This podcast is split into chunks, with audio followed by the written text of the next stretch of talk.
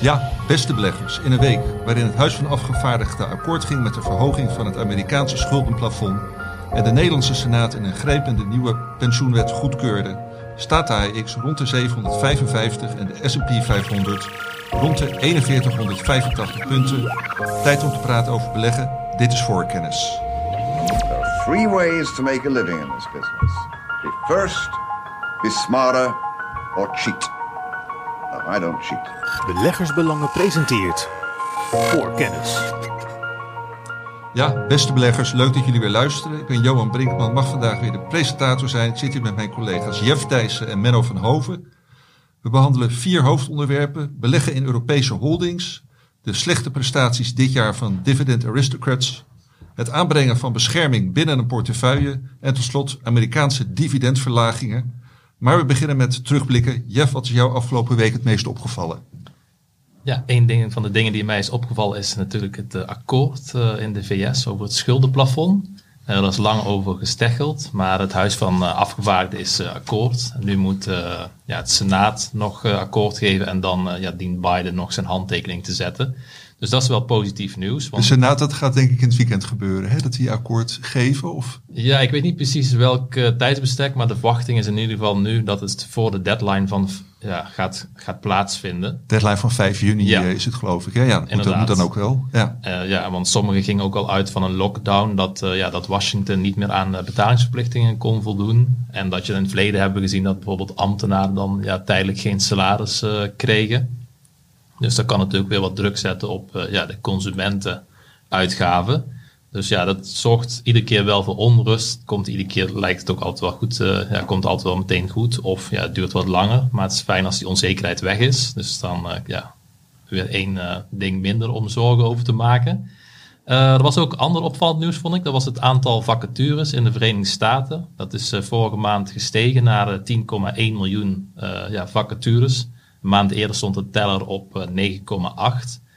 Uh, dus ja, dat ziet eruit dat ja, de economie nog steeds staande houdt. En dan ja, gaan beleggers zich alweer wat zorgen maken.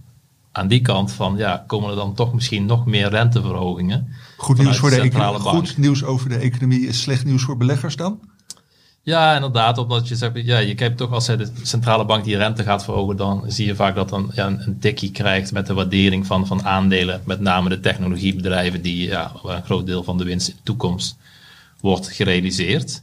Uh, ja, een ander laatste punt wat mij nog was opgevallen was uh, chipbedrijf Nvidia. Daar hebben we vorige week in de podcast ook al aandacht aan besteed. Maar uh, deze week ja, wisten door een, de grens te raken van 1000 miljard. Dat is toch iedere keer ja, weer bijzonder op de beurs. En uh, ja, het bedrijf uh, ja, maakte vorige week al bekend uh, het komende kwartaal te rekenen op een omzet van 11 miljard. Dat is 53% hoger dan het voorgaande kwartaal. En ruim 30% meer dan het hoogste ja, recordkwartaal in de historie van het bedrijf. En ja, ik had ook gelezen bij ons in de beleggersbelangen van mijn collega dat, ja, en, en dat terwijl ja, smartphones op dit moment wat tegenvallen, de verkopen daarvan ook de verkopen van uh, uh, laptops die vallen tegen. Dat zet toch wat druk op, op die chipsector. maar als je ook kijkt naar bij Nvidia van ja, de gaming, die, die, die is wat minder op dit moment. Zit dat in mindere fase toch zo'n hoge omzetgroei. Dus alles ja, op basis van die kunstmatige intelligentie, daar krijgen ze echt een duw van in de rug. En dat zagen we ook wel terug uh, ja, hier ja, lokaal op de beurs. Bij ja, verschillende aandelen die ik ook uh, ja, wel favoriet van ben. Uh, ASMI, BC, ASML. Die deden het allemaal heel goed, ook in, de, in de offensieve portefeuille. Omdat daar een zware weging in zit. Ik zag dat die toch allemaal een mooie koersprong weer misten te maken op dat nieuws. Dus wat dat betreft, ja, heel positief nieuws dat, uh, ja, dat bij Nvidia goed gaat. Want Nvidia die geeft de opdrachten vaak weer aan een chipbakker. Voornamelijk TSMC is dat. En ja, TSMC is weer een belangrijke klant, bijvoorbeeld ook van uh, ja, ASMI, bijvoorbeeld ASML. Dus ja, wat dat betreft, uh, ja, toch wel ook weer behoorlijk wat positief nieuws afgelopen week. Oké, okay, nou dat is goed om te horen, Jeff. En uh, is er nog een artikel wat jij hebt geschreven in het magazine van deze week waar je even aandacht aan wil geven? afgelopen week heb ik geschreven over Qualcomm en over NEDAP. Nedap, uh, ja, dat, uh, een bedrijf uit Groenlo in Nederland, is, niet zo'n ja, heel bekend bedrijf, een technologiebedrijf. Uh, maar wel met een heel royaal dividendbeleid. dus ja, wat dat betreft is het vrij uniek. Ja, ik ben er wel enthousiast over, over het aandeel. Het aandeel heeft de laatste jaren een goede reputatie opgebouwd op het gebied van RFID-chips. En ook ja, zeg maar het, regelen van soort van software-oplossingen. En uh, ja, de, de, de, groep bestaat ook uit verschillende ja, takken van sport. Het bestaat feitelijk neder uit zeven marktgroepen. Dus je zou het bijna een holding kunnen noemen, waar we later in uh, ja, de podcast ook over gaan hebben. Uh, de vier belangrijkste zijn healthcare, livestock management, retail en security management. En bijvoorbeeld healthcare, daarmee zijn ze ja, dat richt zich op het automatiseren van de werkzaamheden in de zorg. Uh, ze, zijn, uh, ze staan bekend om het elektrisch cliëntendossier. En met deze activiteit is NEDAP ook uh, marktleider in Nederland in de geestelijke gezondheidszorg uh, ouderenzorg en ook in de gehandicaptenzorg. En ja, het mooie aan zo'n activiteit is dat ja, je biedt een bepaalde software aan. Uh, klanten nemen een softwareabonnement uh, af en dat is terugkerende omzet. Dus dat is ja, kwalitatief sterke omzet. Die zal niet zomaar in een minder economische periode gaan terugvallen. Dus okay. we zien bij Nederland eigenlijk dat die kwaliteit van de omzet aanzienlijk is verbeterd. Ja. We zijn ook ja, enthousiast over dat bedrijf. We gaan het en, artikel in de show notes zetten, Jeff. Dat, ja, uh, daar kunnen lezen. Ja, ja. geïnteresseerden meer over het bedrijf. Oké, okay, en er zit ook in de komen. offensieve portefeuille, als ik me niet vergis. Klopt, zit in de offensieve portefeuille. En ja, er is ook maar volgens mij één à twee analisten die het bedrijf volgen. Dus ja, bij een dergelijk bedrijf, wat toch, uh, ja, waar wij heel enthousiast over zijn, zou ook vanuit analist toch wat meer interesse moeten zijn, uh, ja, is, is mijn mening. Maar omdat het zo klein is, uh, ja, is er gewoon weinig aandacht voor. Maar dat maakt het niet minder interessant om ja, te weten wat doen ze. En ja, er zit toch echt wel een opportuniteit in, in, ja. de, in de beleggingskansen daar. Een uh, pareltje op het beursplein, zoals we dat enigszins oudbollig dan, dan noemen. Ja. dankjewel Jeff. Menno, wat vond jij het meest opvallende afgelopen week? Ja, verschillende dingen. natuurlijk de, de aanhoudende AI, kunstmatige intelligentiegekte, waar Jeff het net ook al over had. En ja, er is natuurlijk veel meer. Iedereen heeft het, bijna iedereen heeft het over Nvidia vooral. Dat is natuurlijk het meest in het oog springende aandeel. Een beetje de, ja, hoe noem je dat, poster child voor het hele AI gebeuren. Maar er zijn natuurlijk nog veel meer aandelen. Ja, een van de qua koers best presterende dit jaar is C3 AI, uh, softwarebedrijf. ooit ook ja, eerder voorbij gekomen. Een dat ooit kort na de beursgang 160 dollar deed viel helemaal terug tot slechts een tientje in december. En ze staan nu weer 44, dit jaar plus 257 procent. Eigenlijk vooral door het hele AI-gebeuren, zit ook in de naam C3 AI. Maar wat blijkt dus, de laatste omzetprognose, ja, die was dus eigenlijk gewoon teleurstellend. en er staat ook in een headline die ik hier voor me heb, revenue forecast fails to live up to AI hype. Dus mijn idee is dat heel veel bedrijven omhoog knallen. Puur op basis van het feit dat ze iets met AI doen. Mm-hmm. Maar het zijn maar een paar echte winnaars die echt gewoon profiteren, net als een Nvidia. Dus er gaan heel veel koersen, denk ik, nog uh, hard weer afkomen. ja, nog meer over het artificial intelligence is ook een artificial intelligence ETF, zag ik, met de ticker BOTS, B-O-T-Z, doet dit jaar plus 35 procent.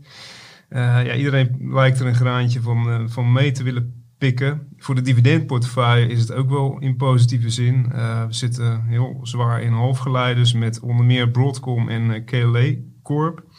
nou, Broadcom is wel zo'n bedrijf dat gewoon echt profiteert van die, van die uh, kunstmatige intelligentie en is eigenlijk ook qua beurswaarde na Nvidia misschien wel, natuurlijk als je Microsoft niet mee rekent, een van de grootste bedrijven ja, die enorm meeveert. En bij Broadcom is het echt bizar ook wat daar met die koers gebeurd is. Dit jaar staan ze plus 45 procent. de podcast precies een week geleden. Toen zei ik, keek ik in mijn scherm, zei ik letterlijk van ze gaan vandaag door de 700 dollar en twee dagen later stonden ze al boven de 900 dollar. Ja. ja. gaat helemaal nergens over. En nu weer terug naar 800 dollar. Ja, op lange termijn blijft een mooi aandeel. Maar ja, dit lijkt me wel wat, uh, wat overtrokken allemaal. Maar goed, ze komen vandaag met cijfers, dus ik ben benieuwd. Vandaag uh, donderdagavond. Precies, ja. ja. Ja, wat ik had gezien is dat Broadcom, die had ook, eh, omdat ik had van de week had ik geschreven over Qualcomm. En dat eh, Qualcomm, die is, eh, ja, die is langzaam zijn belangrijkste klant kwijtgeraakt, Apple. Die Maar zijn dat, naar, dat, ja, dat ze naar Broadcom zijn overgestapt daarvoor, voor bepaalde activiteiten. Klopt. Nee, klopt. En dat, dat zorgde ook voor een ja, opleving van die koers. Maar de grootste sprong is echt gewoon door het kunstmatige intelligentie Ah ja. Verhaal. Maar zo zijn nog veel meer aandelen. En ja, wat mij in dat opzicht ook opviel, was gisteren ineens een all-time high voor eh, Oracle. Grote database software eh, bedrijf. Ehm, in een negatieve markt. Dus was eigenlijk het enige aansprekende naam die op een all-time high stond. Ehm, ja, zonder echt specifiek nieuws. Dus ik ben wat gaan, eh, gaan zoeken vandaag. En ja, toen kom ik wel tegen, en dat zal veel mensen ontgaan zijn, is dat, eh, het was een bericht uit maart, dat Nvidia Oracle's cloud infrastructuur heeft gekozen voor zijn AI services. Dus ja, dat verklaart dan denk ik grotendeels dat Oracle het ook gewoon fantastisch doet. Ja. Bijna verdubbeld sinds eh, september. Dit jaar een hele grote stijgen en op een hoogste koers ooit dus. Dus dat is ook zo'n aandeel wat ja, deels mee profiteert van die hele AI-hype. Maar dit is ook een die er echt gewoon flink geld, eh, geld aan verdient. Eh, ja, net als Nvidia eigenlijk. Eh, nou, nog een paar andere eh, puntjes die mij opvielen. Als ik de tijd er nog voor Ja, heb, zeker. Ja.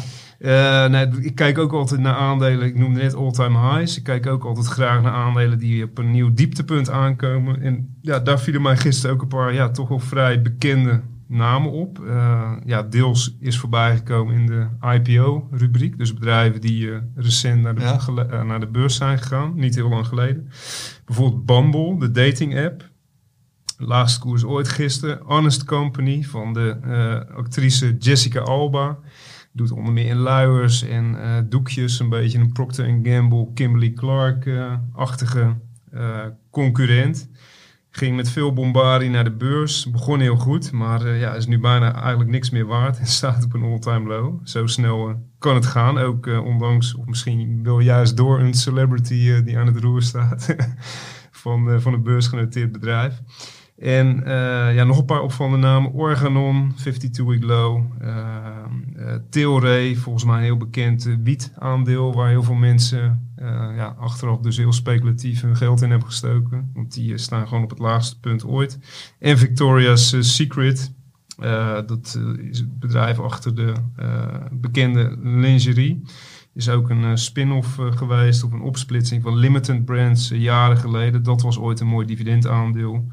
Uh, opgeknipt uh, ja, gaat het in ieder geval met Victoria's Secret uh, niet zo goed. Maar is er nou een soort gemeenschappelijke noemer wat je als een verklaring kan noemen waarom deze aandelen op dieptepunten staan? Ja, dus het, er zijn eigenlijk twee dingen die ik hier zelf uithaal. Of althans bij, het zijn allemaal wel hype aandelen. En corona speelt hier wel een, een rol in, denk ik. Bijvoorbeeld die Bumble, ja, niemand kon de deuren uit, dating apps waren booming. Dus dat, dat, dat, ja, die hebben gewoon een echte piekmoment gehad. Zijn op het juiste moment naar de beurs gegaan. En uh, ja, corona is weg, veel concurrentie, dus blijkbaar uh, ja, draait daar niet zo goed. Geen idee wat exact de reden is, maar uh, de cijfers zullen niet best geweest zijn. En die Honest Company, ja, dat was vol, volgens mij echt een, bijna 100% online verkoper van die verzorgingsproducten tegen premium pricing, het groene uh, aspect.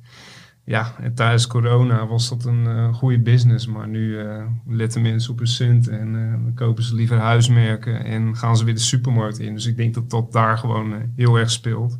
Gehypte aandelen die op het juiste moment naar de beurs zijn gegaan, maar die nu weer helemaal ja, terug met beide voetjes op aarde zijn. En ja, dat dus. Ja. En, en ik, ik had nog, uh, nog één puntje als, het, als ik Ja, Menno, jij hebt tijd.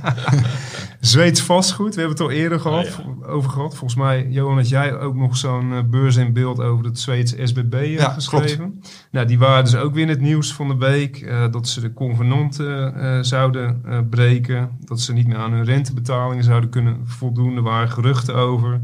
Groot aandeelhouder die is boos dat hij geen dividend meer krijgt. En op zijn beurt wil hij geen rente meer betalen over uitstaande obligaties. Dus er gebeurt heel veel daar. Aandeel uh, min 80% nu dit jaar. En de laagste koers in uh, ruim 10 jaar. En eigenlijk de hele vastgoedsector in Zweden is een drama. Ja, dat vind ik echt. Uh, ja, het blijft voor mij heel bizar. Zweden qua dividenden, daar kijk ik altijd naar natuurlijk. was echt een uitschieter qua historie, groei. Dat waren echt hele mooie aandelen die het fantastisch deden de afgelopen tien jaar. En dit jaar stort het eigenlijk helemaal in dividendverlagingen, uh, beurskoersen die uh, halveren of nog erger. En uh, ja, als je de commentaren en de, de, vooruitzichten mag geloven, ligt het er ja, allemaal heel beroerd bij en gaat het voorlopig zeker niet, niet verbeteren. En dat komt dan allemaal door de renteverhogingen door de Zweedse Centrale Bank? Ja, precies dat. En en, en daarbij groeiende schulden. Dus ja, de, de, het commentaar is dan ook: de real estate crisis in Sweden deepens door inderdaad die stijgende rente, inflatie en groeiende schulden. Wat uh, dus echt gewoon specifiek dan vooral commercieel vastgoed, dus winkelpanden, ja, commercieel vastgoed. Dus dat ligt gewoon echt zwaar onder vuur. We zagen natuurlijk ook met Castellum. Dat was eigenlijk een van de allereerste die aan de noodrem trok door dividend te staken. Toen was uh, de algemene gedachte ook bij mij van, nou, waarom moet dat nou? Ja, ze waren dus in die zin ver voor op hun, op hun meeste directe concurrenten die pas later aan die dividendrem trokken. En uh, ja, die sector, die, uh, dat ziet er gewoon heel slecht uit. En trouwens ook Amerikaans vastgoed hoor, ligt er ook uh, ja. slecht bij. Al die vastgoedaandelen die voorheen jaarlijks met procenten en vaak meerdere keren per jaar dividend verhoogden. Ja, die lopen nu allemaal achter de feiten aan. En die beurskoers, die liggen zwaar onder druk. Dus ja. uh, vastgoed is geen lekkere belegging. Nee, nee. Hey Menno, ik ga kortheidshalve zelf zeggen waar jij afgelopen, wat jij afgelopen weekend of afgelopen week in het magazine hebt geschreven. Heel namelijk goed, een ja.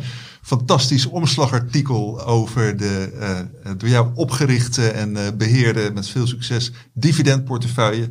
Met ook nog wat mutaties. Dus ja, mensen die dat willen lezen, ga naar de show notes toe. En dan gaan we naar het eerste hoofdonderwerp. Voor kennis. Uh, ja, Jeff, jij wilde het graag hebben over Europese holdings. Uh, hebben het overigens in deze podcast, ik denk ergens vorig jaar ook wel eens over gehad. Waarom wil je het daarover hebben en ja, welke bedrijven of bedrijven dan specifiek? Ja, ik, aanleiding is dat er recent is een publicatie geweest van de analisten van KBC. Dat uh, ga ik ook in de show notes uh, laten plaatsen. Dat is uh, een tweeluik, dus twee, twee rapporten waarin ja, wordt ingezoomd op verschillende Europese holdings. In Italië, Scandinavië, ook de Nederlandse komen aan bod. Bijvoorbeeld met de notering in Amsterdam, Prozus en Hal. Maar ja, verschillende interessante holdings. En één holding die mocht ook niet ontbreken. Dat was in een rapport de holding der holdings, Berkshire Hathaway van Warren Buffett. En ja, ik heb in het verleden ook inderdaad aandacht besteed aan holdings. Ook met ja, een verhaal van de week. Daar heb ik drie holdings getipt. Ik ben zelf ook wel fan en enthousiast over holdings. Daar zijn verschillende redenen voor. Maar ja, voordat we, dat ik daarop inga, wil ik nog even ja, een quote pakken uit dat ja, verhaal van de analisten van KBC. Dat vond ik wel mooi.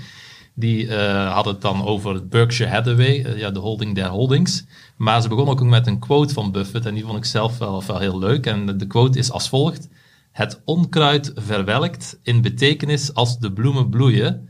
Oftewel, na verloop van tijd zijn er maar een paar winnaars nodig om wonderen te verrichten, zegt Buffett. En ja, het helpt om vroeg te beginnen en ook tot in de negentig te leven.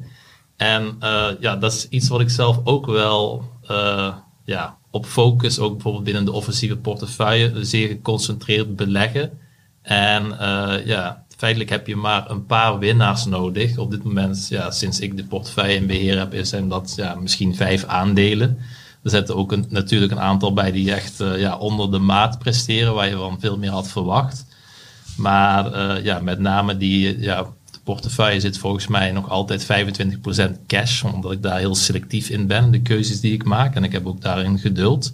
Maar 25% cash, maar 30% zit zeker gerelateerd aan de halfgeleiderindustrie. En die bedrijven doen het heel goed. En dat zie je ook met, bijvoorbeeld met Buffett. Die heeft een hele zware weging in één aandeel in Apple. Dus uh, ja, kies je aandelen. Maar ik vraag me af, ja, hoe kijken jullie daar tegenaan? Tegen, dat, uh, tegen die quote van, uh, van Warren Buffett? Nou ja, volgens mij zegt hij van, ja, kies gewoon een beperkt aantal aandelen. En ja, wees niet bezorgd als ze, nou ja, pak een beet meer dan de helft verliesgevend is. Als je er maar gewoon wat grote winnaars bij hebt. Ja, inderdaad. Ja. Want dat is ook denk ik het lastigste. Van dat je zeg maar heel vaak... Uh, je ziet het ook bijvoorbeeld nu bij de Nvidia. Dat, dat, dat is zo hard gestegen. Van, wat, wat was het? 100 dollar naar 400 dollar? Ja, zeker, van. Ja. ja. durf je dat dan, durf je dat dan vast te houden voor de, dat aandeel voor de komende vijf of tien jaar? Voor heel veel beleggers is dat moeilijk en heel vaak gaan in ieder geval professionals ook, die gaan afromen. Die zeggen, ja, nou de weging wordt te zwaar, dus ik ga een stukje verkopen. Ja. Dat kan inderdaad, maar ja, als je echt overtuigd bent van een bedrijf, ook voor ja, de komende vijf tot tien jaar, dan, ja, dan zou je dat ja, kunnen vasthouden. Dat is in ieder geval wat de, ja, de bekende goeroes doen. En een daarvan is natuurlijk eh, Warren Buffett. Ja, nou ja, goed, wat ik zelf zie in mijn privéportefeuille, dat ik een flink aandeel BC en ASML had. Dus nou, dan weet iedere belegger dat ik vorig jaar eh, een slecht jaar had en dat het dit jaar heel erg goed gaat. Mm En uh, ja, ik zie ook bij ons op het forum inderdaad dan de discussie van, ja, wat moet je nu met, met BC? Moet je winst gaan nemen? Uh, nou ja, ik, uh, ik beleg uh, voor de lange termijn, dus ik, ik laat ze lekker staan. Ik bedoel, ze zullen best wel weer een keer 20, 30 procent in elkaar klappen, maar ik hou ze aan. Ja. Voor de Nederlandse voorbeeldportefeuille die ik namens beleggersbelangen beheer, daar zit ook BC in. Nou ja, dat doet het natuurlijk ook fantastisch dit jaar, terwijl letterlijk denk ik meer dan de helft van de posities in die portefeuille dit jaar in de min staat, doet de portefeuille als geheel het fantastisch, onder meer dankzij Bezi. Daar hebben we wel een stelregel van, ja, mocht het uh, uh, belang van Bezi, mocht dat meer dan 20% worden van de hele portefeuille, dan gaan we afromen. Daar zitten we nog niet, maar nou goed, als het zo, uh, zo doorgaat, dan gaan, we dat, gaan we dat misschien doen. En Menno, ja, jij bent niet echt heel erg geconcentreerd bezig in de dividendportefeuille. Althans, daar zitten volgens nee. mij 35, 40 aandelen in. Precies, ruim 40. En sterker nog, ik streef juist om nog meer spreiding aan te brengen. Uh, natuurlijk, ik ben het ermee eens. Let your profits run. Dus als je echt een goede hebt waarvan je overtuigd bent, prima. Lekker laten lopen. Uh, maar ook met een Nvidia of een Dieteren of noem maar wat. Ja, er kan ineens iets onverwachts gebeuren. En in theorie kan die naar nul. En als het dan een kwart of misschien nog meer van je portefeuille is, ja, dat, uh, dan heb ja. je wel een groot probleem. Klopt. Dus uh, dat vind ik wel lastig. Kijk, je kijkt ook naar Buffett. Volgens mij heeft hij heel veel in Apple. Mm -hmm. uh, tuurlijk heel solide en ik snap het hele verhaal. Maar ik zou nooit zoveel geld uh, in één aandeel stoppen. Maar het probleem is daar denk ik vooral... ja, als je zulke grote bedragen te beleggen hebt, heb je ook weinig keuze. En dan moet je wel naar dat soort grote aandelen met veel volume. Want van anderen kun je er gewoon niet meer kopen. Zelf geef ik een voorkeur aan om ja, sowieso bij een bedrijf wat qua market cap heel groot is. Omdat als de weging boven de 5% komt uh, af te romen. Dan heb je het al heel goed gedaan.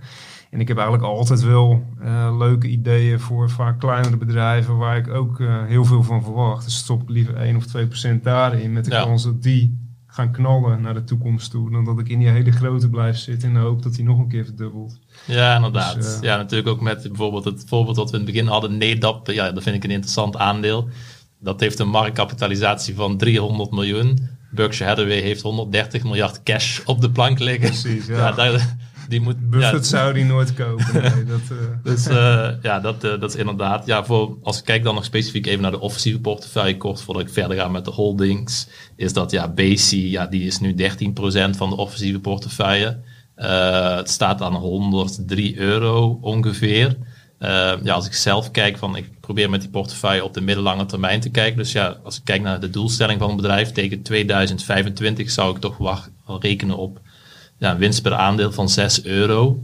Uh, ja, als je dan een factor 25, 25 keer de winst, vind ik voor zo'n bedrijf uh, toch wel aannemelijk. Dan kom je op 150, zou mogelijk moeten zijn op termijn. Dus ja, ik ga voorlopig niet kijken om ja, die positie af te bouwen. Nee. Dus voorlopig hou ik vast. En er was ook een, in het verleden een analist van Bank of America die zei, ja, die had zijn koersdoel opgeschroefd naar 160. Dus we zullen zien uh, wat, uh, wat wij Wat, wat is de, de kern wat jij ons wil zeggen, Jeff, over holdings? Nou, dat holdings, uh, ja, die zijn hele interessante beleggingen. Maar naar mijn mening zit er ook eentje in de offensieve portefeuille. Daar zal ik dadelijk wat ja, aandacht aan besteden. Nou, waarom zijn ze interessant? omdat ze juist wel wat spreiding aanbieden. kijk, als je een, een holding, die heeft vaak meerdere participaties. Dus met één aandeel kopen, koop je vaak al misschien 10, soms wel 20, soms 30 bedrijven krijg je er dan bij in je portefeuille. Dus al een mooie manier om uh, op een eenvoudige manier spreiding aan te brengen, extra spreiding. Daarnaast geven ze vaak ook blootstelling aan private equity. Dat is toch een uh, ja, activa waar je als particulier maar weinig uh, ja, kans in hebt. Maar ik heb in het verleden meerdere keren, ja, ben ik ook wel op de vergadering van aandeelhouders geweest van een aantal holdings. En als je dan met het management in gesprek gaat, dat is wel leuk om te weten. Die zeggen, ja, wij krijgen maandelijks krijgen wij, ja, nieuw, nieuwe ja, kansen. Er zijn gewoon ondernemers die komen een pitch doen. Echt zo'n uh, elevator pitch van, ja, we hebben geld nodig om te kunnen groeien. En ja, zij kunnen op basis daarvan, zij zien heel veel presentaties, proberen ze natuurlijk de krenten uit de pap te kiezen. Dus als je een bedrijf hebt met een, ja, een goed track record, dan kan dat zeer interessant zijn. En zo zorg je ook weer wat extra spreiding, want je hebt beursgenoteerd en niet beursgenoteerd. Uh, en vaak zit de allergrootste groei, want ze proberen natuurlijk naar de beurs te komen op het allerbeste moment. Dat je dan de hoofdprijs betaalt, kun je daarin een mooie, uh, ja, mooie rendement realiseren. Ehm, ja, waarom zijn holdings nog meer uh, interessant? Is dat ze ja, ook dus heel vaak al beschikken over een heel goed track record. Ik had even gekeken naar dat rapport van de analisten van KBC. Had ik al die aandelen geselecteerd. Nou ja, 80% doet het echt veel beter dan de index. Dus als je die, dat zijn dan Europese bedrijven. Nou vergelijk je die met de Eurostox 50 of met de Eurostox 600. Als een bijvoorbeeld een vergelijking van, van een benchmark. Ja, dan doen die aandelen het veel, veel beter. Dus ja, in het verleden behaalde resultaten zijn geen garantie voor de toekomst. Maar het zegt wel iets over, ja, kunnen zij, zijn ze in staat de benchmark te verslaan of niet? Nou, dat hebben ze over een lange periode ja, echt goed gedaan. Daarnaast zijn ze ook vaak uh, staan ze bekend om het dividend. Nou, dat is voor heel veel beleggers interessant. Uh, heel veel hebben ook een goed track record, dat ze jaarlijks toch het dividend weten te verhogen. Dus dat uh, ja, maakt deze type beleggingen ook interessant. En ja, wat ik zelf altijd mooi vind, ik wil altijd ja, niet te veel betalen. Holdings zijn vaak te koop met een korting. Uh, dat, ja, dat heeft ja, de, de holdingskorting, daar zijn verschillende redenen voor. Maar ja, wat dat betreft, als je kijkt meer in het waardebeleggen, krijg je daar echt waar voor je geld.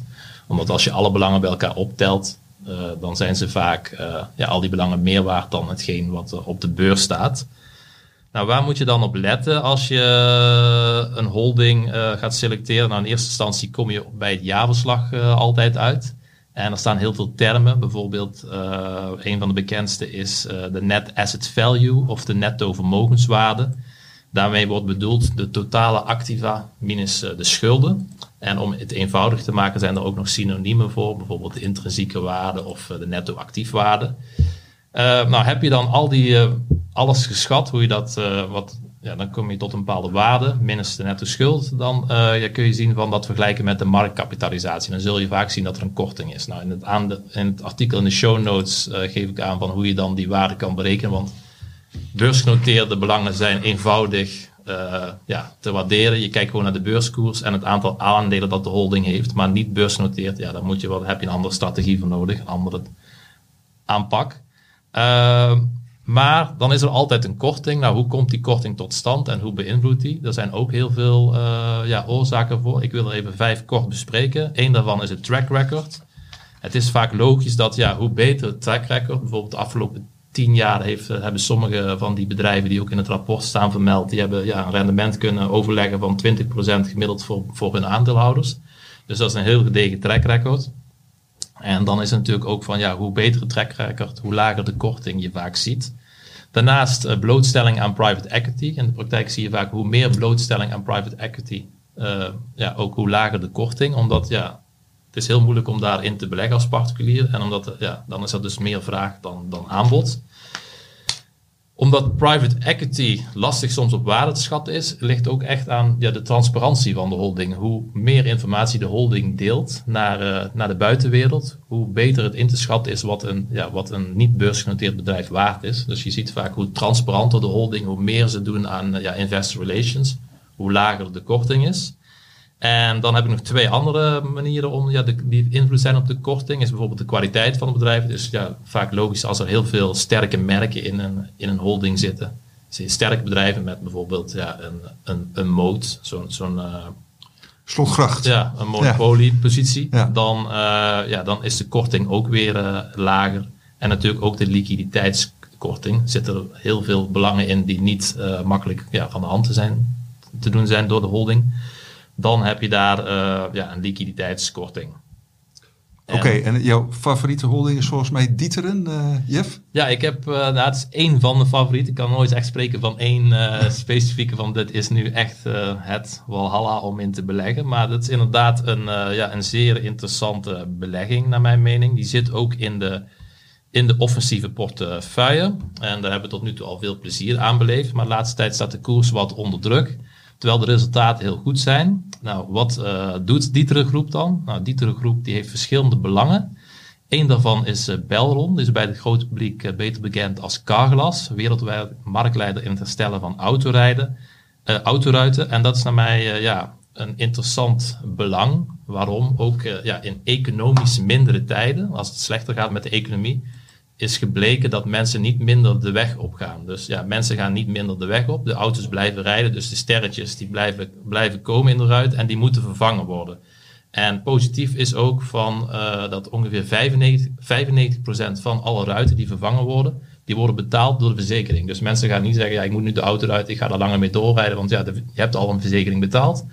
Dus wat dat betreft is dat een vrij uh, ja, minder cyclische uh, participatie dan ja, andere zaken die je op de beurs hebt. Dan hebben ze nog twee andere belangen. Dat is uh, PHE Parts, dat is Parts Holding Europe. En ze hebben een uh, belang in, controleren, TVH.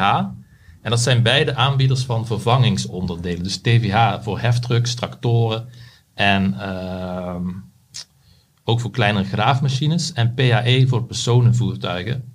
En ja, wat je normaliter ziet in tijden van hoogconjunctuur, is dat bedrijven en personen die gaan dan sneller toe. Ja, ik koop wel een nieuwe machine, ik koop een nieuw apparaat of ik koop een nieuw voertuig. Maar als het wat minder gaat, en ja, je ook een beetje de, de recessieangst die nog steeds speelt van centrale banken doen er alles aan om de economie af te remmen. Dan ga je zien dat zij die nieuwe aankopen, die gaan ze uitstellen. Daardoor komt er meer slijtage. En ja, als er meer slijtage komt, moet er ook weer meer onderdelen vervangen worden. Dus wat dat betreft doet het bedrijf ook heel goed. De eerste kwartaalcijfers ja, kwam het ook met uh, ja, forse omzetgroei. Uh, dan hebben ze ook nog een belang autodivisies. Ze zijn de importeur van, uh, van Volkswagen. En dat is ook een, ja, een tak van sport waar 2022 was wat lastig door te vele chiptekorten. Nu kun je ook zeggen van ja, mensen houden de hand op de knip. Tegelijkertijd zie je wel een trend dat er steeds meer duurdere modellen worden verkocht. Dus wat dat betreft ja, ziet dat ook nog wel redelijk positief uit, dat belang. Uh, omdat ja, die auto's worden gewoon steeds duurder en uh, bedrijf is ook actief met uh, ja, tweedehands verkopen. Zullen we het artikel over Dieteren, wat deze week door een van onze collega's is geschreven, in de show notes zetten, Jeff? Ja, dat is goed. Dus ja, op dat betreft ja, ben ik wel positief. En ja, wat maakt dat aandeel dan nog ja, interessant? Nou, een van de dingen die ik wel interessant vind, is dat uh, Carlos Brito, die werd eind 2020 CEO van Belron. Dus Belron is een onderdeel van de holding. En hij was het gezicht van AB InBev. Mhm. En ja, iemand met een, ja, die staat van dienst, die gaat niet, lijkt mij bij een niet beursgenoteerd bedrijf, zeg maar, rustig zitten. En uh, ja, die wil natuurlijk uh, dat bedrijf naar de beurs brengen. Dat is dan nu ook het gerucht dat ja, Belron Carglass ja, op eigen benen komt te staan. En dat zou denk ik heel goed zijn om ja, de waarde naar, uh, ja, beter in kaart te krijgen. Ik heb zelf, uh, schat ik het uh, belang van Belron op 150 tot 160 euro per aandeel. En heel Dieteren, dus ook met al die ja. andere belangen, dat staat ongeveer voor 160 euro ja, nu op de beurs. kijk ik dan naar de som der delen, dan kom ik op 240 euro uit voor de hele, ja. voor de hele groep. Nou, we hebben het al gezegd, je hebt wel een, een korting altijd bij een holding. Dus ja, plak je daar een korting op van 15%, wat toch wel normaal is in een holdinglandschap. Dan kom je uit op ongeveer 205 euro. Nou, 205 euro is dan ook een beetje mijn target uh, tot nu toe in de offensieve portefeuille. We staan op 160, dus nog een mooie weg te gaan. Uh, en voor het wachten word je ook nog beloond, want vorig jaar werd er 3 euro aan dividend per aandeel uitgekeerd. Dat was een dividendverhoging, dat vindt Menno altijd leuk, van 43 procent. Ja. Uh, dus dat geeft ook uh, ja, op dit moment een dividendrendement van 1,8 procent. En ja, kijk je ook naar het track record van Dieteren. Afgelopen 10 jaar een gemiddeld rendement van 19,8%. Dus ja, niks heeft een garantie natuurlijk voor de toekomst. Maar het belangrijkste, Belron, ja, daar valt nog heel veel groei te verwachten bij het carglas repareert, carglas vervangt. Ja. Dat komt met name omdat de autoruiten die worden steeds complexer. Ja.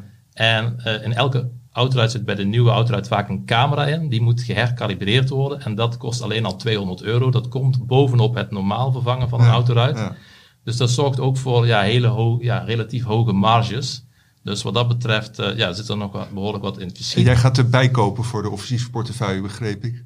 Klopt uh, inderdaad. We hebben nu nog maar uh, ja, een weging van 3%. Als ik een, ja, een positie heb, wil ik die altijd ge gestaag opbouwen. Nou, nu is er een, een koersdip ja, toch wel te ontstaan. Want uh, je ziet bij holdings vaak dat ze teruggaan de korting naar het gemiddelde. Dat heet mean reversion. Ja. En de korting is nu meer dan 30%. En de afgelopen vijf jaar was de gemiddelde korting 20%. Dus wat dat betreft verwacht ik naast de mooie resultaten die, die, die in het liggen ook nog wat dat die korting terug gedongen kan worden. Dus ja. ja we hebben nu ongeveer een weging van 3%, maar ik ga dat deze ja, ik ga dat vandaag inderdaad verhogen op zijn minst naar, naar, naar 6 Ja. Zodat het een wat zwaardere weging krijgt in de portefeuille. Vind je het erg, Jeff, als we naar het volgende hoofdonderwerp gaan? Want nee, uh, we, we hebben er namelijk uh, vier hele goede. Ja, en Menno uh, heeft ook tot op het laatste moment van alles voorbereid. Dus, Voorkennis. Bijvoorbeeld over de dividend aristocrats, Menno, die het dit jaar slecht doen, ongetwijfeld tot jouw spijt. Wat kun je erover zeggen? Ja, nou, ik hou natuurlijk altijd uh, nauwgezet uh, alle dividendverhogingen bij. Zeker van dit soort uh, unieke aandelen die, die al minimaal 25 jaar op rij, zoals jullie weten, dividend elk jaar verhogen. er zijn er iets meer dan 100 van in de Verenigde Staten. Elders in de wereld ja, is dat, zijn dat veel kleinere aantallen. Dus VS is echt wel gewoon toonaangevend daarin. En uh, ja, wat mij opviel is dat qua dividendgroei doen ze het gewoon heel slecht uh, uh, dit jaar. En eigenlijk ook qua beurskoers. En vaak gaat dat hand in hand. Minder dividendgroei is ook gewoon een minder, mindere sterke ontwikkeling van de beurskoers. Zeker op langere termijn. Dus wat, ik heb het uitgerekend. Van de 32 aristocrats die dit jaar het dividend hebben verhoogd, is de gemiddelde verhoging slechts 4,5 procent. En datzelfde 32-tal, dus diezelfde 32 aandelen. En er zijn in totaal op dit moment uh, 65 uh, officiële dividend aristocrats die opgenomen zijn in de S&P 500 index. Datzelfde, diezelfde 32, die dit jaar tot dusver met elkaar 4,5% gemiddeld verhogen, verhoogden een jaar geleden nog met bijna 7%. Dus het is gewoon bijna een halvering van de dividendgroei. En het grappige is dan ik ben natuurlijk ook gaan kijken naar uh, Standard Poor's, S&P Global. Die komen elk kwartaal met een uh, rapport over zowel dividenden als buybacks voor de uh, Amerikaanse markt. En in dat laatste rapport, en dat ging dan over het eerste kwartaal, maakten zij dus ook al meldingen van een zwakkere dividendgroei. Uh, met dus een, uh, toene of een afnemende uh, procentuele stijging ten opzichte van het voorgaande jaar. Was evenwel nog in het Q1 eerste kwartaal voor de S&P 500 7,9% groei mm. ten opzichte van het jaar daarvoor. Maar daar kijken ze echt vooral naar het totale bedrag en dividend in miljarden dat wordt uitgekeerd. En hebben natuurlijk een paar aandelen zoals Apple, Microsoft, een hele dikke vinger in de pap, omdat die zo groot zijn. En de oliebedrijven niet vergeten. En die zoveel uitkeren. Uh, dus qua, qua uh, totaal bedrag uh, neemt die groei nog wel toe. Maar ga je naar de individuele aandelen kijken, dan zie je gewoon een enorme afname van die dividendgroei. En ja, wat ik al zei, voor die dividend aristocrats dit jaar dus plus 4,5% gemiddeld. Ja, vind ik zelf gewoon heel zwak. En er zijn slechts drie dubbelcijferige dividendverhogingen in eh, 2023 aangekondigd tot nu toe. Vorig jaar waren dat er al zes. En een paar hele bekende namen die eigenlijk elk jaar goed zijn voor dubbelcijferige groei. Ja, die stellen gewoon enorm teleur dit jaar. Bijvoorbeeld eh, een Lois Companies, grote doe-het-zelf keten, verhoogde vorig jaar en het jaar daarvoor dividend met meer dan 30%. Dit jaar komt er maar 5% bij. Ja, dat maakt natuurlijk een enorm verschil op dat gemiddelde. En uh, ja, een ander aandeel wat mij echt opvalt is uh, Medtronic. Vorige week ook al uh, besproken. Toen was het net bekendgemaakt. Dit jaar komt er anderhalf procent dividend bij. Tegen 8% gemiddeld in de jaar daarvoor. En eigenlijk de laatste decennia is de dividendgroei op jaarbasis nooit onder de 7% per jaar dus uitgekomen. Nu anderhalf procent. Dus ja, dat is wel heel opmerkelijk. En als ik me niet vergis, is het advies op Medtronic ook uh, verlaagd deze week. Ja, dat klopt. Het staat in uh, beleggersbelangen. Precies, precies. Voor de abonnees uh, natuurlijk allemaal na te lezen. En ehm, ja, wat, wat, wat ik zelf dan wel heel interessant vind. ik heb thuis alle statistieken hier voor me hoor. Dus er zijn echt veel bedrijven die gewoon nog niet eens met 2,5% verhogen. Van die 32 zijn dat er maar of zijn dat er liefst 12. Uh, waaronder ook uh, ja, in problemen of, of, of gewoon niet, niet onverwachte namen zoals een IBM, 3M, bedrijven die echt wel met problemen zitten. Maar dus ook wat ik zei, Medtronic, een T. Rowe Price, dat de afgelopen vermogensbeheerder die de afgelopen jaren altijd met dubbele cijfers verhoogde. Dit jaar komt er 1,7% bij. Um, een andere is Procter Gamble. Dit jaar 3% verhoging tegen 5% vorig jaar en 10% het jaar daarvoor. Maar wat is nou de, ook hier, uh, Menno, ja. de, de, de, de achtergrond van deze verlagingen? Ja, nou, los van het, afgezien van het feit dat de afgelopen jaar die dividendgroei enorm, uh, ja, dividenden enorm verhoogd zijn. Uh, procentueel dan per, per bedrijf. ja, dan, dan, kijk ik vooral naar de verklaring van S&P Global. En die zeggen gewoon dat het ligt aan ja, de bekende dingen die we al zo vaak voorbij hebben zien komen. Inflatie, rente, consumentenuitgaven, bedrijven worden voorzichtiger. Uh, over de stand van de economie en de economische groeivertraging. Waardoor consumenten minder geld uitgeven. En ja, daardoor uh, zijn ze ook minder scheutig met uh, forse dividendverhogingen. En wat je ook tegelijkertijd ziet, en dat is in het verlengde hiervan, is dat de buybacks, dat die ook onder druk liggen. En wat veel bedrijven, die hebben, laten we zeggen, twee knoppen of één knop waar ze kunnen schuiven. Dat zijn die buybacks. Dividend is altijd wel stabiel en liefst hoger in de VS. Dat proberen ze altijd. Uh, en die buybacks, ja, als het slechter gaat, die kun je heel makkelijk terugschroeven. Want dat is geen verplichting. Je hebt altijd een, uh, je, je kondigt zo'n pakket aan en die kun je doen wanneer je wilt. maar volgens mij hebben we toch uh, recent nog een artikel gehad dat de buybacks op het hoogste niveau ooit staan. Of? Nee, precies. En dat is ook weer puur het totaalbedrag. Maar dan, haal je daar Apple vanaf en dat soort uh, idioot grote bedrijven die misschien met tientallen miljarden uh, aan buybacks smijten. Dan, en je gaat gewoon kijken naar elk individueel bedrijf, dan zie je hele andere cijfers. Maar het zijn vooral weer die hele dominante bedrijven die gewoon zoveel miljarden in die pot gooien. Ja. Dat ze gewoon. Nee, interessant. Uh, heel, heel bepalend zijn. Maar ja, als ik gewoon de individuele titels, dan zie je een hele andere ontwikkeling. En het leuke vind ik, we hebben natuurlijk uh, de dividendportefeuille. En daarvoor is 2023 tot dusver juist een, uh, een superjaar uh, qua dividendgroei. moet ik wel zeggen dat VF Corp zat er natuurlijk ook in. was ook een dividend aristocrat. Dus die heb ik bewust buiten de statistieken gelaten van zowel de dividend aristocrats als de dividendportefeuille. Maar de dividendportefeuille zit dit jaar gemiddeld gewoon op een dubbelcijferige groei. En uh, ja, het interessante, en dat staat ook in het omslagartikel dit jaar. Ik heb van alle aandelen die tot dusver een dividendverhoging hebben aangekondigd, heb ik uh, op een rijtje gezet. En er zijn gewoon al 17 dubbelcijferige dividendverhogingen dit jaar voor de dividendportefeuille.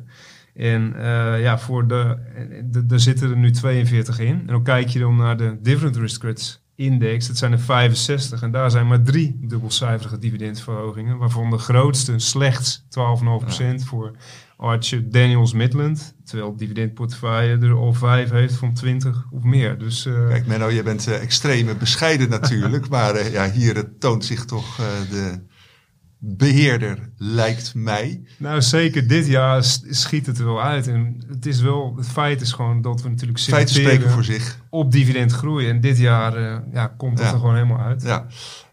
Ehm, vind je het goed als we dit onderwerp afronden en uh, of wil je er nog heel graag één uh, dingetje aan toevoegen, Menno? Nou ja, ik, ik, ik, ben altijd van de feitjes en de statistieken. En ja, ik kan nog toevoegen dat de gemiddelde, het gemiddelde dividendrendement van de dividend aristocrats nu 2,6 is. Voor de dividendportefeuille is het 1,9. Er zitten natuurlijk veel meer, of zitten natuurlijk Europese aandelen ook in. En de verschillen in de VS zijn ook uh, heel groot. Eén uh, aandeel heeft een dividendrendement van uh, slechts 0,2. West Pharmaceutical Services betalen ook een heel klein dividendje van nog geen eens 100 miljoen per jaar. En ja, daar staat tegenover een hele grote dividendport, of hele grote dividendbetaler. Dat is ExxonMobil. En die betalen bijna 15 miljard uh, dividend per jaar. Hebben natuurlijk ook een veel hoger dividendrendement. Dus ja, dividend, of de dividend aristocrats is echt van alles wat, alle sectoren.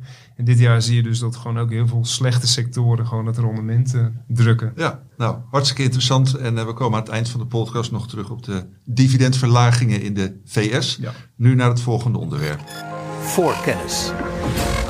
Ja, Jeff, jij bent uh, een specialist uh, in uh, bescherming, ook verdediging. Welke mooie quote had jij er tegen aangeslingerd in Beleggersbelangen deze week in jouw column?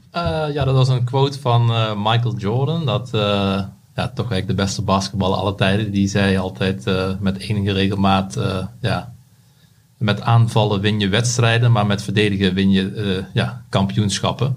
En dat is een quote die, die niet alleen hij ja, rondslingert toen continu, maar ook bijvoorbeeld uh, Alex Ferguson, die, ja, die, die onderstreept ook altijd die quote. Cruyffiaanse uitspraak, maar dan van deze twee heren. En jij past dat ook toe op, op beleggen natuurlijk.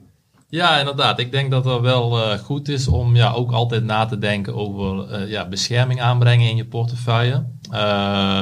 En het ligt er met name aan ook wat je strategie is. Uh, ik denk zeker, uh, ik heb bij mijn vorige werkgever echt heel veel ja, ook beginnende beleggers gezien die dan net met pensioen zijn gegaan. Die zeggen ik heb nu de tijd om te gaan beleggen, ik heb ook kapitaal. die willen dan zelf gaan beleggen, maken de eerste stappen op de beurs of ja, ondernemers die hun bedrijf hebben verkocht. En dan doen ze dat vaak met ja, voornamelijk de focus op rendement maken, want ja, ze krijgen natuurlijk heel veel er komen heel veel uh, artikelen voorbij of inspiraties, webinars, seminars, uh, ja, wat echt hele interessante aandelen zijn. dus ja, je focust voornamelijk op, op rendement maken, maar ja, te weinig op ja, het ja, kapitaal bij elkaar houden. ik denk dat bescherming aanbrengen ja, interessant is. Voor bijvoorbeeld wat ik doe met de offensieve portefeuille is dat ja, minder relevant. Je focust name op de lange termijn. Maar ja, wat is dan de lange termijn? En ja, vaak als je al wat op leeftijd bent, dan ja, kun je zeggen, misschien heb ik maar een beleggingshorizon van 15, 20 ja. jaar. Dan zeker in, in, in een dergelijk scenario is het ja, extra belangrijk om Wat voor na welke groep beleggers is bescherming aanbrengen in jouw ogen het meest belangrijke? Uh, ja, ik denk uh, twee groepen. Dus in ieder geval in eerste instantie als je al ja, uh, bijvoorbeeld gepensioneerd bent, dus boven de 65. Daarnaast uh, ook als je ja, van jezelf weet dat je uh, ja, niet zo goed uh, om kan gaan met de druk van, van, van, een, van een koersdaling. dat verschilt van persoon tot persoon. En ja, door emoties kun je toch wel soms foutieve beslissingen maken waar je dan achteraf weer spijt van hebt. En als je op voorhand bescherming inbouwt, dan ja, ga je minder snel daar last van hebben. Ja, en hoe kun je dan de bescherming inbouwen, Jeff? Uh, nou, er zijn verschillende mogelijkheden voor. Kijk, ik heb voor, vrij recent heb ik een artikel geschreven met ja, hoe je zeeperts kunt voorkomen. Dus dat is echt uh, meer kijken naar bijvoorbeeld dat je alleen al aandelen selecteert met ja, bijvoorbeeld altijd een netto kaspositie. Want ja, bedrijven met te veel schulden in moeilijke omstandigheden zijn die vaak als eerste het haasje en dan ook de aandeelhouders. Dan kun je tegen flinke domper aanlopen. Uh, daarnaast ja, bescherming aanbrengen binnen portefeuille. Ik heb dat bijvoorbeeld ook uh, getracht te doen bij de offensieve portefeuille. Uh, in 2021, toen ben ik gestart met het beheer van die portefeuille. Ik heb het overgenomen van een collega en daar heb ik dan mijn eigen draai aangegeven. En die portefeuille deed in dat jaar ja, heel goed. rendement van 31,5%. Maar we stonden wel op de vooravond van ja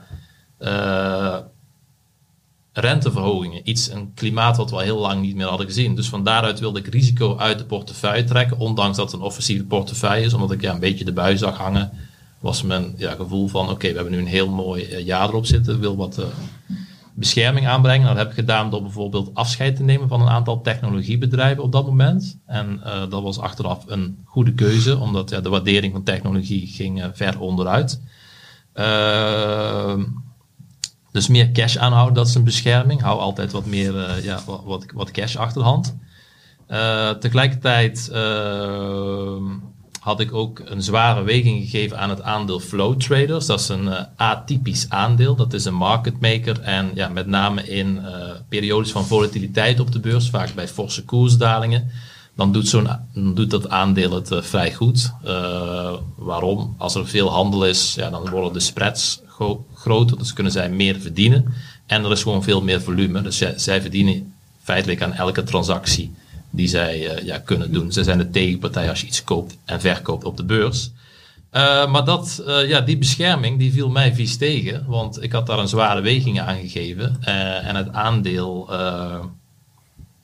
ja, in plaats van dat het ging stijgen, ging het zelfs dalen. Dus als je echt zekerheid wil inbouwen, ja, is mijn mening dat je dat alleen kan doen met opties. Oké, okay, vertel uh, daarover hoe dat, uh, hoe dat moet, Jeff.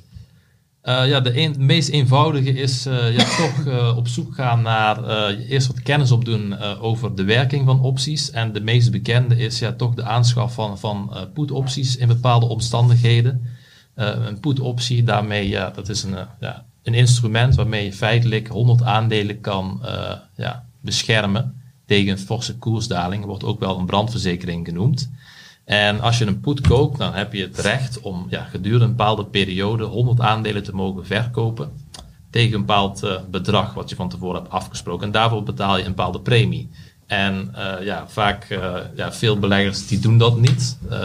waarom niet? Omdat ja, heel veel leggen de focus op de lange termijn. En zeggen van ja, iedere keer verzekeren, die premie, dat gaat ten koste van het rendement. Ik ga gewoon al die cyclies doorstaan als het even tijd minder, minder is. Want op de lange termijn komt het goed en dan zien we wel weer hogere beurskoersen.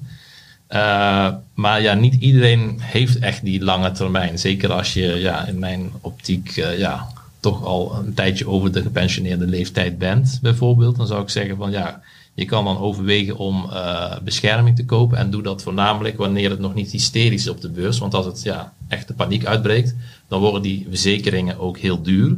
Ja, vind jij nu het moment om uh, zo'n, uh, in, de, in de situaties dat het nodig is, zo'n uh, brandverzekering te nemen?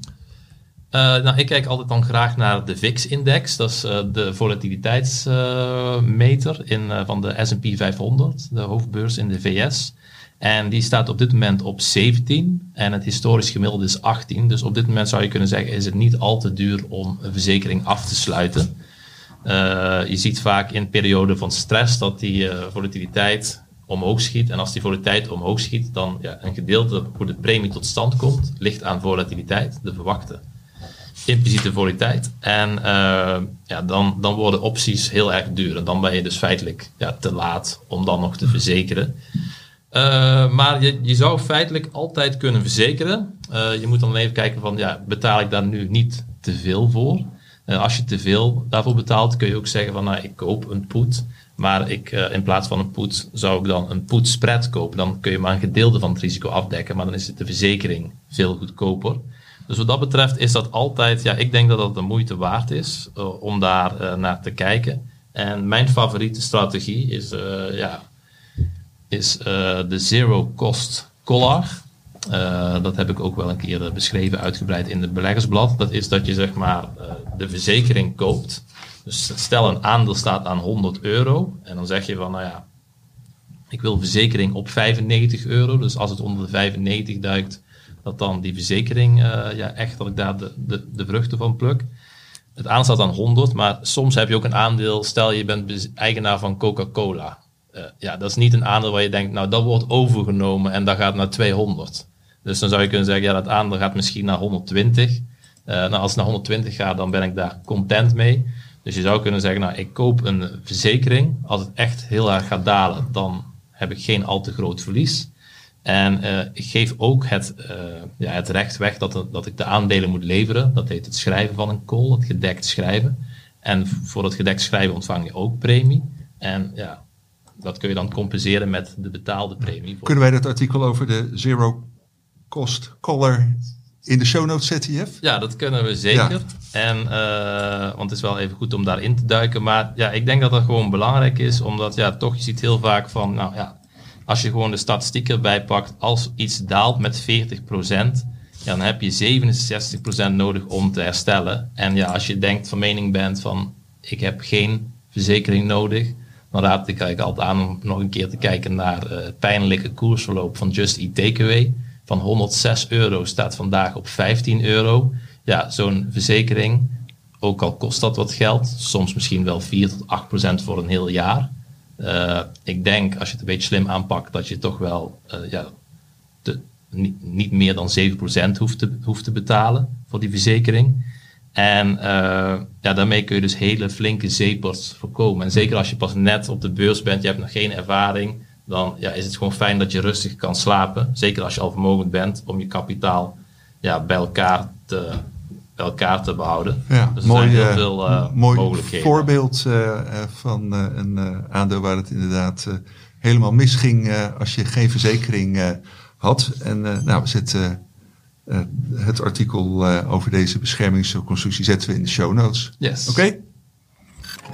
Voorkennis.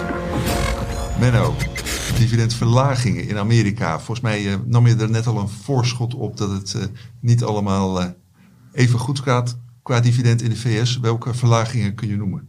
Nou, inderdaad, want in lijn met het verhaal van dat de dividendgroei zwaar afzwakt, ja, zien we toevallig gisteren, en zo kom ik ook op het onderwerp, één aandeel heet Advanced Auto Parts. En ja, wat de naam al zegt, een retailer in auto-onderdelen voor zowel consumenten als als professionals. En het ja, bizarre is natuurlijk, ik had hier een paar weken geleden een verhaal over Valvoline, ook actief in die sector. En eigenlijk dat die hele sector het heel goed doet. Maar deze, die ja, wist enorm negatief te verrassen. Met een ja, toch wel gigantische winstwaarschuwing.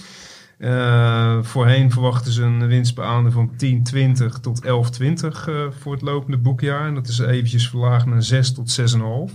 Nou, beleggers not amused, koers min 35%, maar vooral ook, denk ik, omdat het dividend eventjes met 83% omlaag gaat dit jaar. En het bizarre van dit aandeel is juist dat ze in de voorgaande drie jaar echt tot de absolute buitencategorie behoorden qua uh, dividendgroei in de Verenigde Staten. Sterker nog, in mijn lijstje staan ze gewoon in de top 3, top 5 van de afgelopen vijf uh, drie. En ook vorig jaar nog qua dividendgroei. En uh, het is ook gewoon een bedrijf wat al decennia dividend niet heeft verlaagd, ook niet verhoogd. Hebben zich vooral gericht op buybacks. En twee, drie jaar geleden zijn ze enorm gaan versnellen met dividendverhogingen. Dividend van 6 uh, per kwartaal, 6 cent per kwartaal naar 1,50 vorig jaar. Maar nu dus weer terug naar 25 cent. Ja, omdat hun business zwaar onder druk schijnt te liggen. Niet eens zozeer de omzet, die blijft wel redelijk op peil. Omzet outlook iets verlaagd, maar vooral aan de kostenkant hebben ze gewoon problemen. stijgende loon, grondstofkosten en ja, de supply chain wordt ook weer bij, bijgehaald. En ja, dat alles resulteert gisteren dus door die, in een dividendverlaging en een koersval van 35 procent year to date daarmee min 50%. Ja, enorme klapper. En het is eigenlijk maar een van de weinige aandelen in de VS uh, waar we natuurlijk duizenden beursgenoteerde bedrijven hebben, waarvan er ook ja, misschien wel een paar duizend een dividend betalen.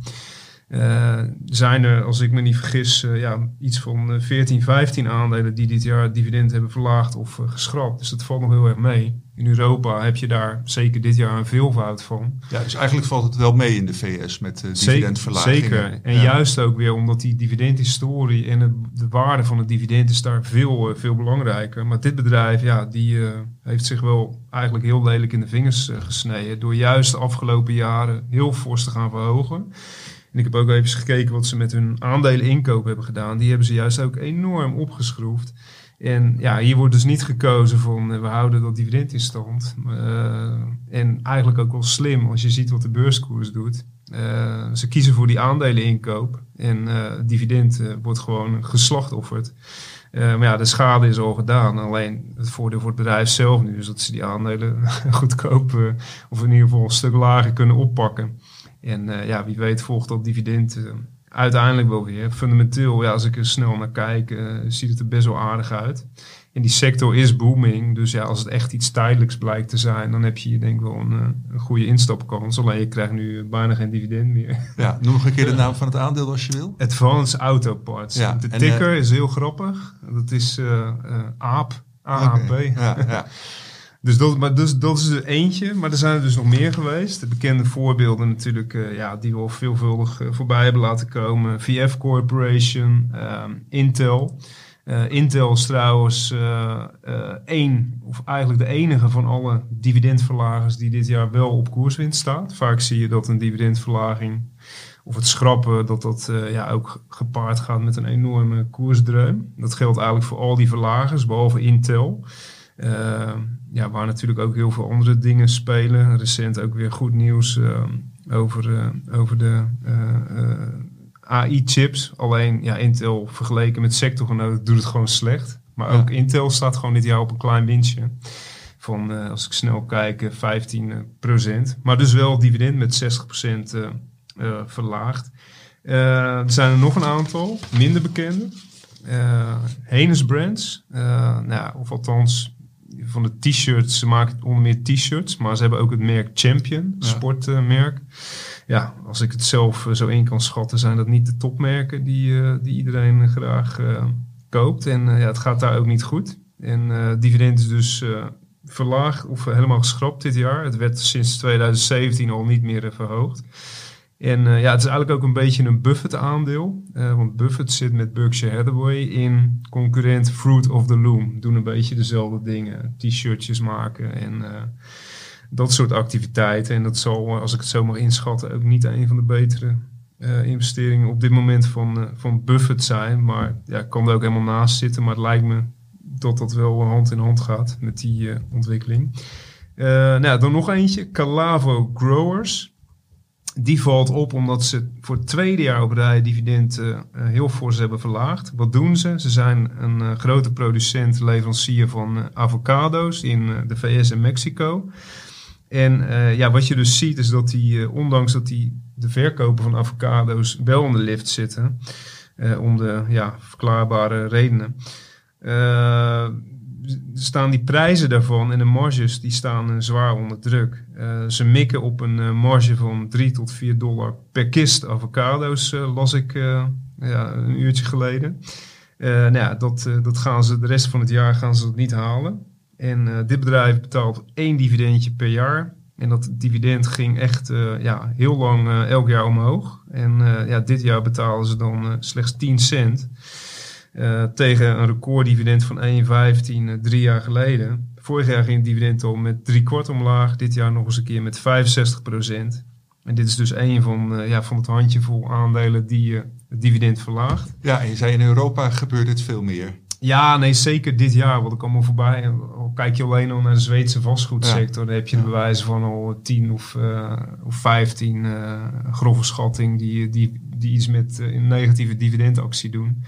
En er zijn ook veel andere bedrijven. Alleen ja, het verschil met Europa is natuurlijk eh dividendhistorie. Ja. Hebben ze totaal eh, maling aan. Als- Maar dat als- maakt deze dividendverlaging in de VS wel extra pijnlijk. Hè? Dat het, eh, Nee, absoluut. Want dan zou het niet strikt noodzakelijk zijn, zouden ze het ook niet doen. Het is al, gebeurt altijd met een reden. Bij dat Advanced Auto Parts eh, was de uitleg eh, in het persbericht ook... eh, we lowered the quarterly dividend to ensure more fi- eh, financial flexibility. Dus ja, het is echt... eh al kijk je ook, ja, die hebben best wel een... eh, door die buybacks en forse dividendverhogingen is die schuldpositie opgelopen. En als je beurskoers dan halveert en ja, je zit met een hele grote schuld dan wordt het wel tricky. Dus in die zin, eh, dat had ik trouwens net niet vermeld, ze hebben wel een flinke schuldpositie. Dus het blijft, het is niet een blinde koop, maar eh, ja, fundamenteel verder eh, ziet het er goed uit. Alleen, eh, ja, ze staan gewoon onder zware druk nu. En als dat lang aanhoudt, kan het natuurlijk een probleem worden. Ja. Maar dat is beleggen. Dat zijn Ja. natuurlijk altijd naar de toekomst de onzekerheden, waardoor die koers daalt. Ja. En dat kan een kans opleveren.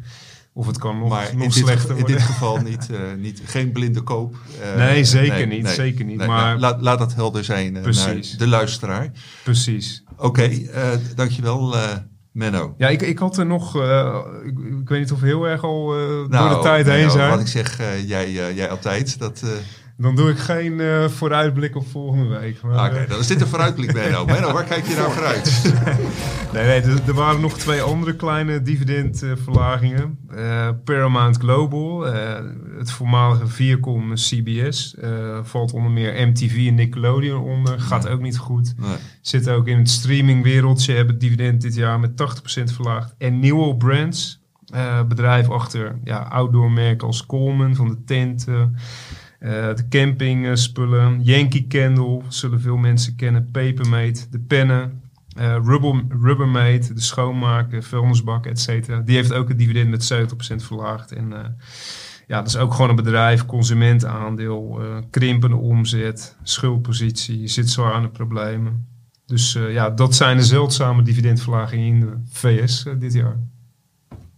Helemaal top. Voorkennis. Eh Jeff, waar kijk jij eh, voor de aankomende week eh, speciaal naar uit? Eh, nou, ik ga in het aandeel Ibusco nog een keer duiken. Die maakte afgelopen week bekend dat ze ja, de, een stap zetten ja, met binnenvaartschepen, met ja, accupakketten. Terwijl ja, de, de core business is bussenfabrikant, fabrikant van elektrische bussen. Ehm, dus ja, daarmee een, nieuwe markt. Het was wel een beetje, zat dat al in de pijplijn, maar ja, omdat ze nu ook daadwerkelijk eh, eh, gaan leveren, is het goed om even in de kaart te brengen. Ja, hoe groot is die markt? Eh, wat voor marges kun je daar verwachten? En ja, daarvoor ga ik, daar kijk ik wel naar uit, even contact opnemen met, met het bedrijf en ja, ook even met, met de analisten. Dat is wel fijn met ja, de be- bedrijven die een notering hebben in, eh, in Amsterdam. Eh, ja, als je veel eh, door het netwerk, ja, kun je even ja, sparren vaak ook wel met ja, analisten die dat volgen. Ja. Dus via via, dan heb je toch steeds beter beeld van, ja, wat is nou de omvang van de markt? Is dat een groeimarkt? Wat voor marges kunnen daarmee behaald worden? En uiteindelijk, wat kan dat het bedrijf ja, opleveren in, in, de, in de waardering om te kijken van, is dat nog, eh, ja, is dat een, is dat een koopadvies? Nou, gaat vast weer een, interessant artikel eh, opleveren. Menno, ik wil jou toch nog de kans geven om ergens op eh, vooruit te kijken. Nou ja, kom ik toch nog heel kort weer even op het hele AI-gebeuren. Eh, vandaag dus die cijfers Broadcom. Eh, daar gaan we natuurlijk volgende week over schrijven. Koers enorm opgelopen. Eh, maar ik zie nu bijvoorbeeld C3 AI, waar we de podcast mee begonnen. Ja. Die staan vandaag weer min 23%. Dus ja, zo zie je maar. Totale hype voor veel aandelen. Pas ermee op. Eh, Broadcom is een van de betere. En eh, ja, die komen dus vandaag met cijfers. Ik ben benieuwd Ja, wat eruit gaat komen. ook dat gaan we volgende week lezen. Dank jullie wel, heren. Volgende week zit ik hier met ehm, eh, Hildo Laman en eh, Michiel Pekelharing. Eh, dank jullie wel eh, voor het luisteren, luisteraars en eh, kijken, kijkers. Eh, vragen voor eh, ons kunnen naar voorkennis.beleggersbelangen.nl. Eh dank jullie wel, eh, Menno en Jeff, nogmaals. eh, en tot volgende week.